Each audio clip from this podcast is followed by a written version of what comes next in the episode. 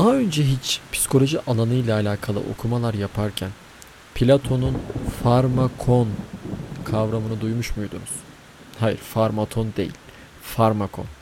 Ee, farmakon aslında hem zehir hem şifa anlamına gelen çift anlama sahip bir kelime ve bu yüzden aslında benim çok hoşuma gidiyor.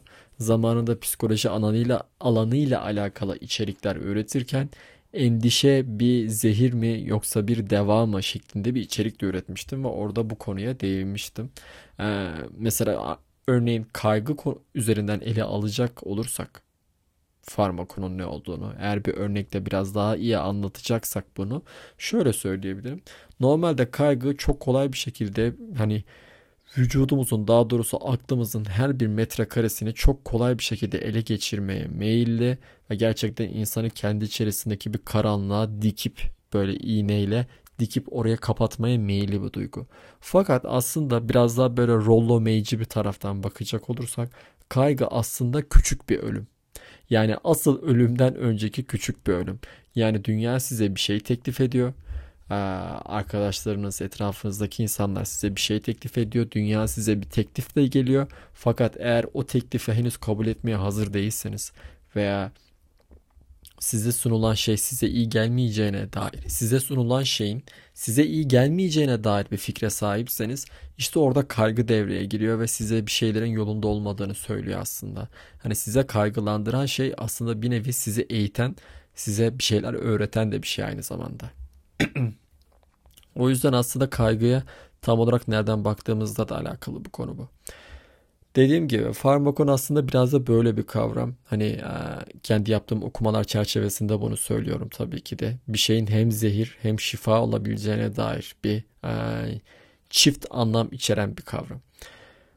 Bugün ben de farmakonu da çok kendi yeteneklerimizden bahsederken kullanacağım. Çünkü özellikle şu son zamanlarda kendi yapıp ettiklerimi gözden geçirdiğimde e, yeteneklerin bazen kariyer sürecimizi hızlandırmak, iş bulma konusunda bize daha çok hani avantaj sağlayan, iş bulma olanaklarımızı artıracak şeylerden ziyade e, bazen tam tersine süreci daha da yavaşlatıp hangi alana e, gitmemiz gerektiğini ya da bu yet elimizde olan yeteneği, elimizde olan yetenek paletiyle nasıl bir resim yapmamız gerektiği konusunda bize özgürlükten ziyade daha çok kafa karışıklığı verebilen bir tarafı da olduğunu olduğundan bahsetmeye çalışacağım. Mesela e, lisans eğitimindeyken çok hoşuma giden bir e, metafor vardı diyeyim. O da tulumbacı sendromuydu. Tulumbacı sendromunda olay şu. Eskiden Osmanlı zamanında şimdi bizim itfaiyeler, daha doğrusu itfaiye birliği dediğimiz tulumbacılar varmış. E, tulumbacılar mesela uzakta bir yangın haberi geldiği zaman hemen işte araçlarına binip daha doğrusu işte olay yerine intikal edecekleri sırada e, tam o yangının olduğu mahalleye girecekken yan mahalleden ya da yan yoldan başka bir yangın haberi geldiğini görüyorlar. Ve orası daha yakın olduğu için daha erken müdahale edebileceğimiz şey daha e, hızlı sonuç vereceği için bu sefer o yola yöneliyorlar. Fakat tam da o yangın yerine varacakken bu sefer başka bir ara sokaktan başka bir yerden daha yakında bir yan, başka bir yangın haberi geliyor. Ve bu sefer oraya yöneliyorlar, buraya yöneliyorlar derken yola çıktıkları yangın da dahil yani ilk baştaki a, ihbar olan yangın da dahil hiçbir yangını söndürememiş bir şekilde geri dönüyorlar ve o gün bütün evler yanıyor. O yüzden aslında tulumbacı sendromu da kariyer ve yetenek bağlamında da bu şekilde bir ele alabiliriz diye düşünüyorum ben. Çünkü hani e, bazen kendimizde bazı yetenekleri fark ediyoruz. Evet kimimizin konuşması daha iyi, kimimizin grafik tasarım konusunda gelişmişliği var. Kimimiz hakikaten çok iyi yazıyor akademik metinler olsun.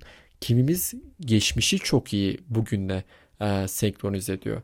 Mesela öyle arkadaşlarım var ki kendi yazdığım kitaplardaki veya kendi yazdığım daha doğrusu hikayelerdeki e, karakterlerimle bugün benim yapıp ettiğim ya da söylediğim şeyler arasında muazzam bir bağ kuruyor. Şeyma'dan bahsediyorum. Yani hani en yakın arkadaşlarımdan ve şey diyorum ya bu benim bile aklıma gelmemişti. Ne kadar güzel bağlıyorsun böyle. Yani bazılarımızın dediğin gibi sentez gücü çok yüksek, bazılarımız çok iyi çiziyor. Hepimizin farklı bir yeteneği var. Fakat söz konusu kariyer veya bir iş arayışı olduğu zaman hangi yeteneğimizi e, bu kariyer atına koşacağımız konusunda kafamız karışıyor. Yani kariyer atı derken aslında çok da boş bir şeyden bahsetmiyorum. Çünkü kariyer aslında gerçekten şeyden hani etimolojik olarak carrier yani taşıma hani bir yolda ilerleme anlamına da sahip.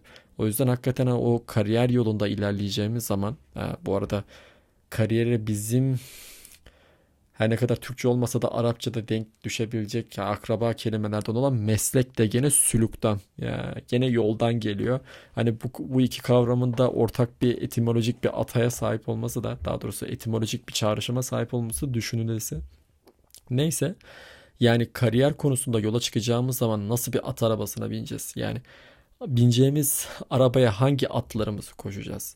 Yani hepsini birden koşmaya çalışsak büyük ihtimalle hani bu bizim çok hayrımıza olmayacak. Yani şey gibi biraz da Jack London'ın Beyaz Dişi'ndeki ya da Vahşetin Çağrısı mıydı hatırlamıyorum ama kızağa koştuğunuz köpeklerin arasında da bir uyum olması gerekir ya. Biraz da bu bunun gibi aslında. Yani kıza veya işte e, at arabasına birden çok atı koşmaya çalıştığımız zaman bazen daha hızlı ilerleyeceğimizi düşünsek de elimiz kolumuz bağlanıyor.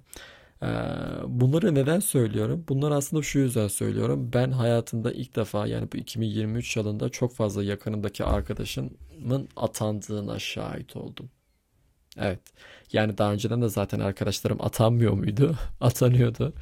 Ee, evet ama ilk defa bu yıl bu kadar yakınımdaki insanlar atandı ve ben tekrardan bir şey düşünmek zorunda hissettim kendime. Ya benim bu anarşistliğim tam olarak ne?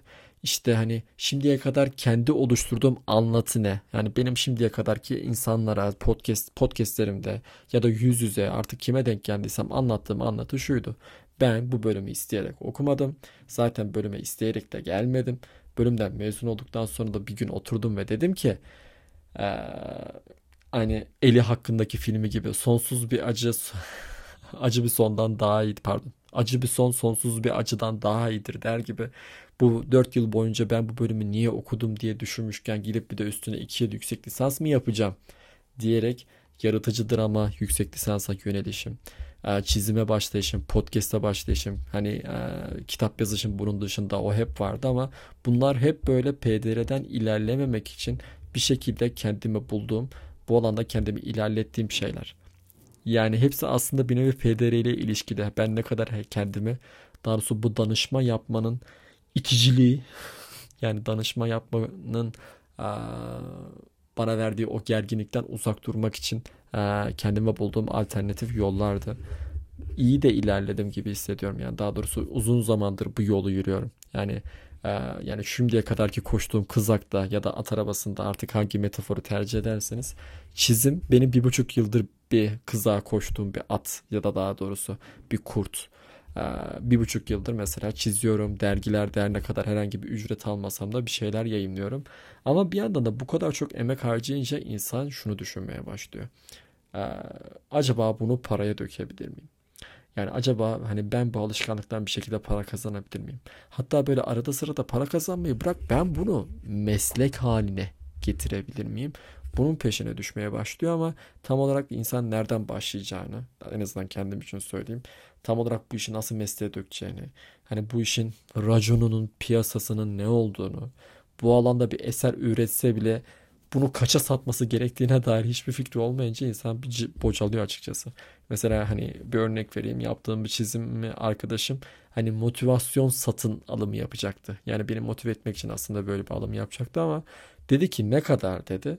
Yani ben şeyi söyleyemiyorum hani ne kadar olur ki bir çizim yani bu alanda çok da bir profesyonelliğim de yok. Şimdi beleşe de veremeyeceğim. Yani satın alım olması gerekiyor sonuçta. E o zaman ben kaça söyleyeceğim bunu? İşte 50 lira diyeyim bari diyorsun. 50 lira geliyor hesaba bildirim geliyor yukarıdan Akbank'ta. Ya diyorsun ki acaba çok mu ucuza gitti falan filan. Hani bunların derdine düşüyorsun. O da insanın biraz kafasını karıştırıyor. O yüzden dediğim gibi hani o kariyer atına birden fazla atı koşmaya çalışınca tıpkı böyle şey gibi. Ee, hani deneylerdeki maymunlar vardır ya ödülü bırakmamak için eli kafese sıkışmış, kapana sıkışmıştır. Ama e, kapanın içindeki meyveyi de tutabiliyor haldedir o anda. Hani sırf o meyveyi bırakmamak için, sırf bir şekilde elini oradan meyveyle birlikte kurtarabileceğini düşündüğü için elinin hala o halde sıkışık bir halde kalmasına, kangren olacak kadar sıkışık halde kalmasına izin veriyor. Yani ben yetenek konusunda bazen biraz böyle olabildiğimizi düşünüyorum. Yani bu kadar çok ata arkadaşlarım atandığını gördüğümde tekrardan dönüp ben bir ne yapıyorum diye sorduğum zaman fark ettim bunu. Ya dedim ki ben hani işte arayüz tasarımıyla, web tasarımıyla, çizimle, işte hani genel olarak kodlamayla, yazarlıkla, onunla bununla bir sürü bir şeyle uğraştım. Hatta hani logo tasarımıyla, eğitmenlikle öyle bir o kadar çok şeyle uğraştım ki artık bir süre sonra gerçekten kafamda çıkan kariyer yangınında bir tulumbacı gibi bir oraya bir buraya gidince tam olarak bir ilerleme aslında sağlayamadığımı fark ettim. Yani şu çok üzücü mesela. Yani bir gün odanızda oturuyorsunuz, kariyeriniz konusunda ne yapmanız gerektiğine dair bir fikir üretmeye çalışıyorsunuz. Instagram'da gezerken birden karşınıza bir logo tasarımcı aranıyor. İlanı çıkınca birden şey olabiliyor mesela. Evet ya, evet. İşte aradığım şey bu. Ee, aradığım işaret bu. Evet ya çok güzel logolar tasarlayabilirim. Bu işten para kazanabilirim. Aslında biraz yeteneğim de var. Ya aslında bu her hatta belki bir yerde işe de girebilirim. De, diye diye diye hani e, belli bir yönerge, belli bir plan olmayınca karşıma çıkan her bir ilan ya da her bir şey benim için alternatif bir kariyer yolu oluyor. Ve bir süre sonra yolların çoğalması insana bir özgürlükten ziyade bir kısıtlama getiriyor. Aynı bu azalan marjinal faydada olduğu gibi. Yani bir süre sonra seçeneklerin fazla olması, kendimizi çok fazla alanda ilerletebiliyor olmamız aslında bize bir avantajdan ziyade bizim hızımızı kesen, rüzgarımızı kesen bir olgu haline geliyor.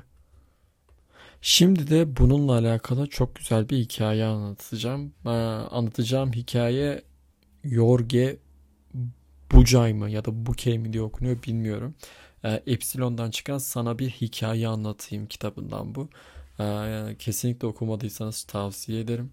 E, özellikle de danışman arkadaşlarım veya psikolog arkadaşlarım bunu çok beğenecektir. Çünkü seanslarında kullanabilecekleri veya danışan veya danışman pardon danışman olmasanız bile hani e, kendine yardım kitabı olarak çok güzel hikayeler var içerisinde ve hepsinden bir terapötik bir psikolojik bir çıkarım mevcut.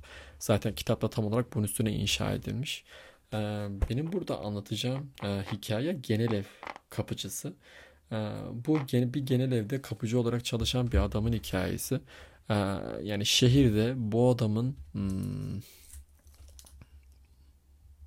bu adam kadar maaşı ve manzarası kötü bir işte çalışan herhangi birisi yok e, yaptığı işten hani çok da fazla memnun değil ama şimdiye kadar kendi babası, onun babası, onun babası, onun babasının babası falan hep sürekli bu işte, bu sektörde çalıştığı için başka bir kariyer e, olanağı görmüyor kendine. Yani böyle bir şey düşünmüyor bile. Bunun için harcadığı zihinsel bir mesai bile yok. Öyle söyleyeyim. Fakat bir gün e, bu genel evin şey değişiyor. E, nasıl desem genel evin sahibi değişiyor. Genel evin sahibi değiştikten sonra bizim bu e, kapıcının yanına geliyor ve diyor ki kapıcının adı da ne olsun? Ne olsun? Şu an ne olması gerektiğini hatırlayamadım. Kaki olsun. Aynen Kaki.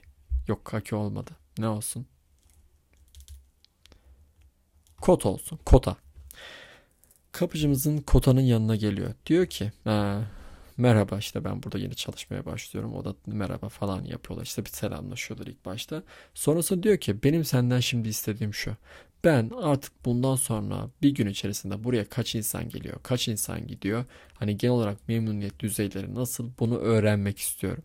O yüzden senden de bunun notunu hani sana bir kitap ve de şey bir defter ve bir kalem vereceğim ve sen bu söylediklerimi bana e, rapor edeceksin. Haftada bir günde bana gelip bunları sunacaksın diyor. Fakat bizim kota, kapıcı kota diyor ki fakat benim okuma yazmam yok ki. Yani ben bunu hani e, tamam iyi güzel de yani bunu yani bunu nasıl yapabilirim? Hani bunu yapmam mümkün değil. Ee, müdür de bunu duyunca yani o zaman sanırım yani bilirsiniz işte yollarımızı ayırmamız gerekecek diyor. Adam ne kadar yalvarsa da ne kadar ağlasa da dostum yapabileceğim bir şey yok. Bana bunları not edebilecek birisi lazım diyor ve en sonunda şunu ekleyerek söylüyor işte merak etme şimdiye kadar ki verdiğin emekleri zayi etmeyeceğim. Hani sana bir tazminat da vereceğim deyip adamı işten gönderiyor. Bu adam da yağmurlu bir günde işinden çıkıp evine doğru giderken şeyleri düşünüyor. Yani ne yaptım ben? Acaba yalan mı söyleseydim? Kendimi orada kurtarabilmek için bir fırsatım var mıydı? Daha başka neler yapabilirdim diye düşünüyor. Sonra eve gittiği zaman aklına birden şu dank ediyor tam tıraş olduğu sırada. Yani genel evde çalışırken sağda solda bir göçük olduğu zaman ya da atıyorum yani bir tahta falan düştüğü zaman elindeki birkaç çivi ve çekiçle hani bunları yamadığını yani gayet güzel aslında hani e, evi toparladığını falan hatırlıyor ve diyor ki acaba böyle bir işe mi girsem diyor ve e, her ne kadar bulunduğu şehirde herhangi bir nalbur olmasa dahi komşu köydeki yani uzak bir komşu köydeki e, bir nalbura gidip oradan kendine bir çekiç ve birkaç da çivi alıyor. Fakat tam evine geldiği sırada bir komşusu çalıyor kapısını ve diyor ki hani bana çekiç lazım verebilir misin? O da diyor ki yani ben yeni işten çıktım. Hani henüz kendimi geçinecek şeyim de yok. Hani bu çekici de zaten yeni aldım tazminatımla. Ee, yani tüm tazminatımı yatırdım neredeyse işte bu çekiç ve çiviler için falan filan dese de adam bir şekilde e, gönlüne giriyor bu adamın ve e, ondan çekiç bizim mimar kotadan pardon mimar demişim e, bizim kapıcı kotadan bu çekici alıyor. Yarın sabah getireceğim merak etme diyor ve yarın sabah gerçekten de sabah olduğunda çekiç kapıya geliyor. Fakat diyor ki hani benim işim bitmedi bana bunu biraz daha kiralayabilir misin? Kapıcı kota diyor ki hayır bunu yapamam. Ee, zaten komşu nalburdan yani komşu köydeki nalburdan bunu alıyor diyor. Öyle mi? Öyle. O zaman diyor ki ben sana iki günlük yol masrafını ve yeni alacağın çekicin parasını vereyim ve benim için git o a, çekici al.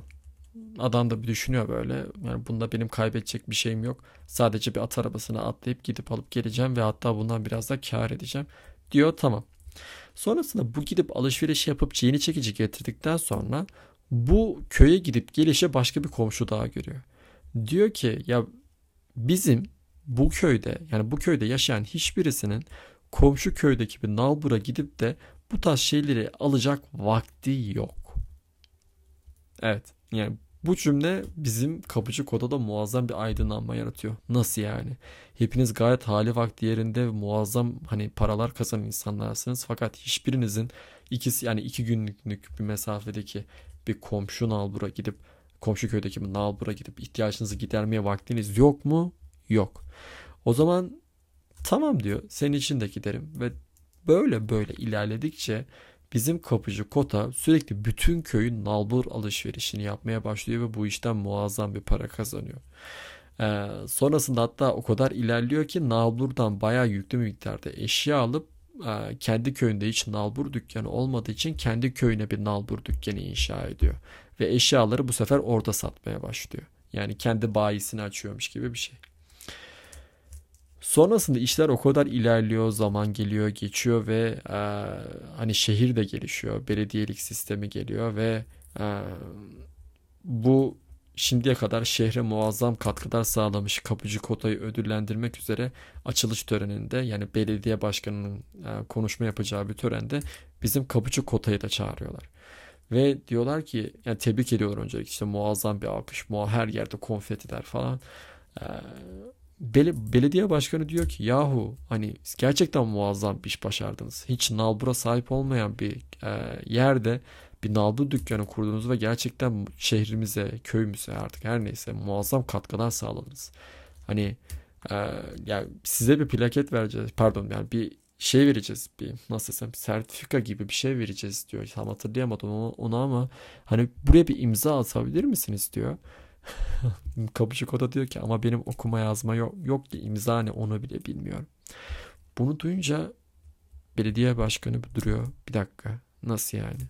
Siz şu anda hani bu şehrin en zengin insanlarındansınız. ve bana diyorsunuz ki yani hatta bu sistemi kuran kişi sizsiniz ve bana diyorsunuz ki siz okuma yazma daha doğrusu ben okuma yazma bilmiyorum. Ama bu nasıl oluyor? Hani peki okuma yazma biliyor olsaydınız hakikaten hani tam okuma yazma bilmeden buradaydı. Ha, okuma yazma bilmeden buraya geldiniz. E o zaman siz okuma yazma biliyor olsaydınız kim bilir neler neler yapacaktınız dediği sırada mimar daha kapıcı kota diyor ki büyük ihtimalle genel evde kapıcı olurdu. Bu son cümle beni hep yani, yani okuduğum günden beri kafamın içinde sürekli dönen bir cümle. Yani okuma yazma bilmeden buraya geldim.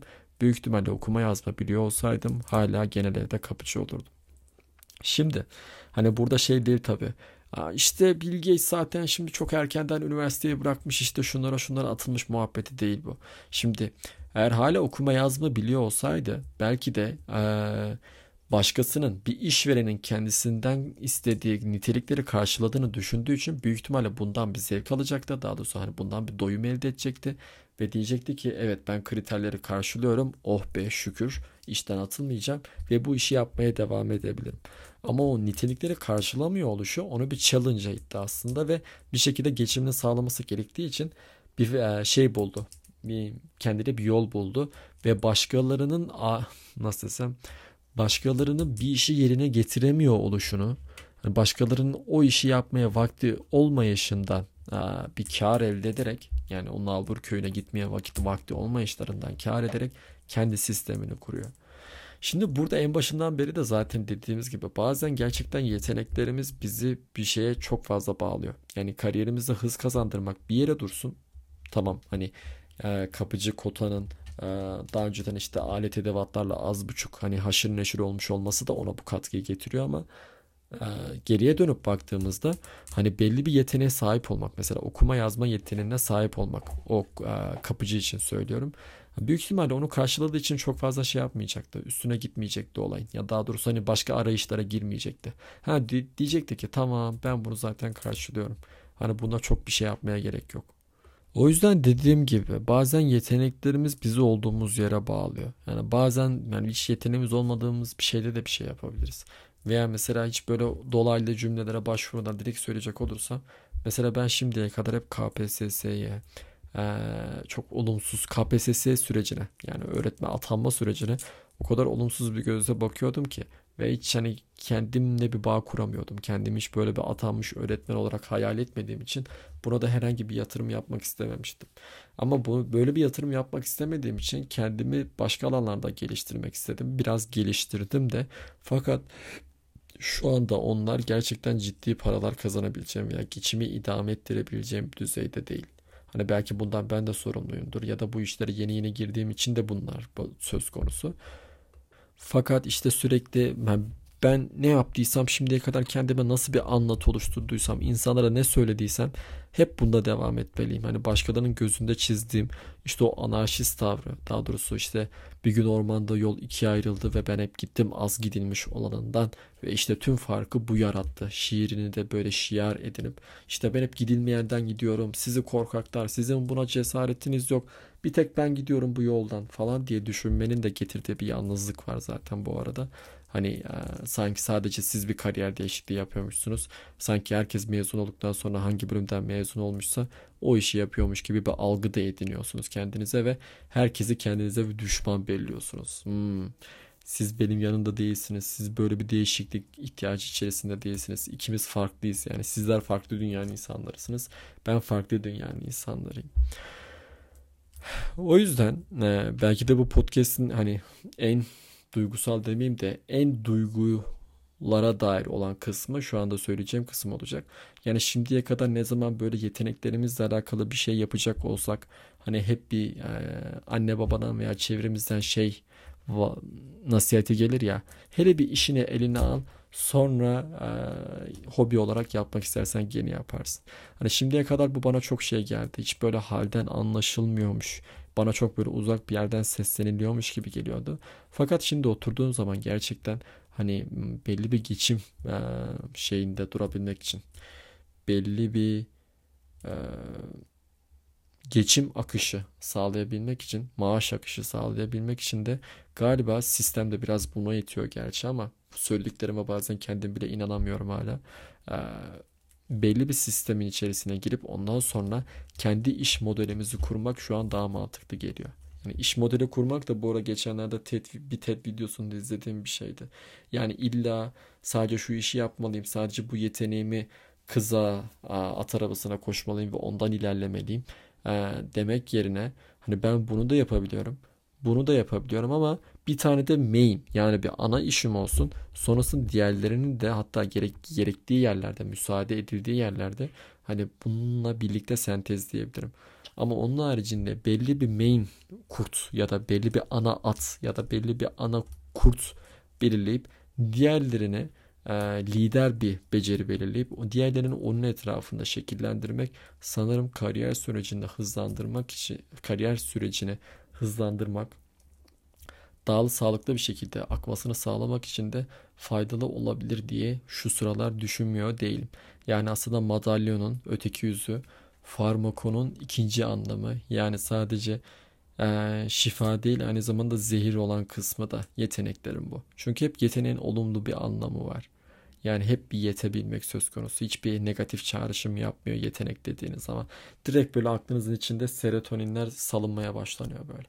Ama işte hani ben bence bu o kadar da öyle bir şey değil.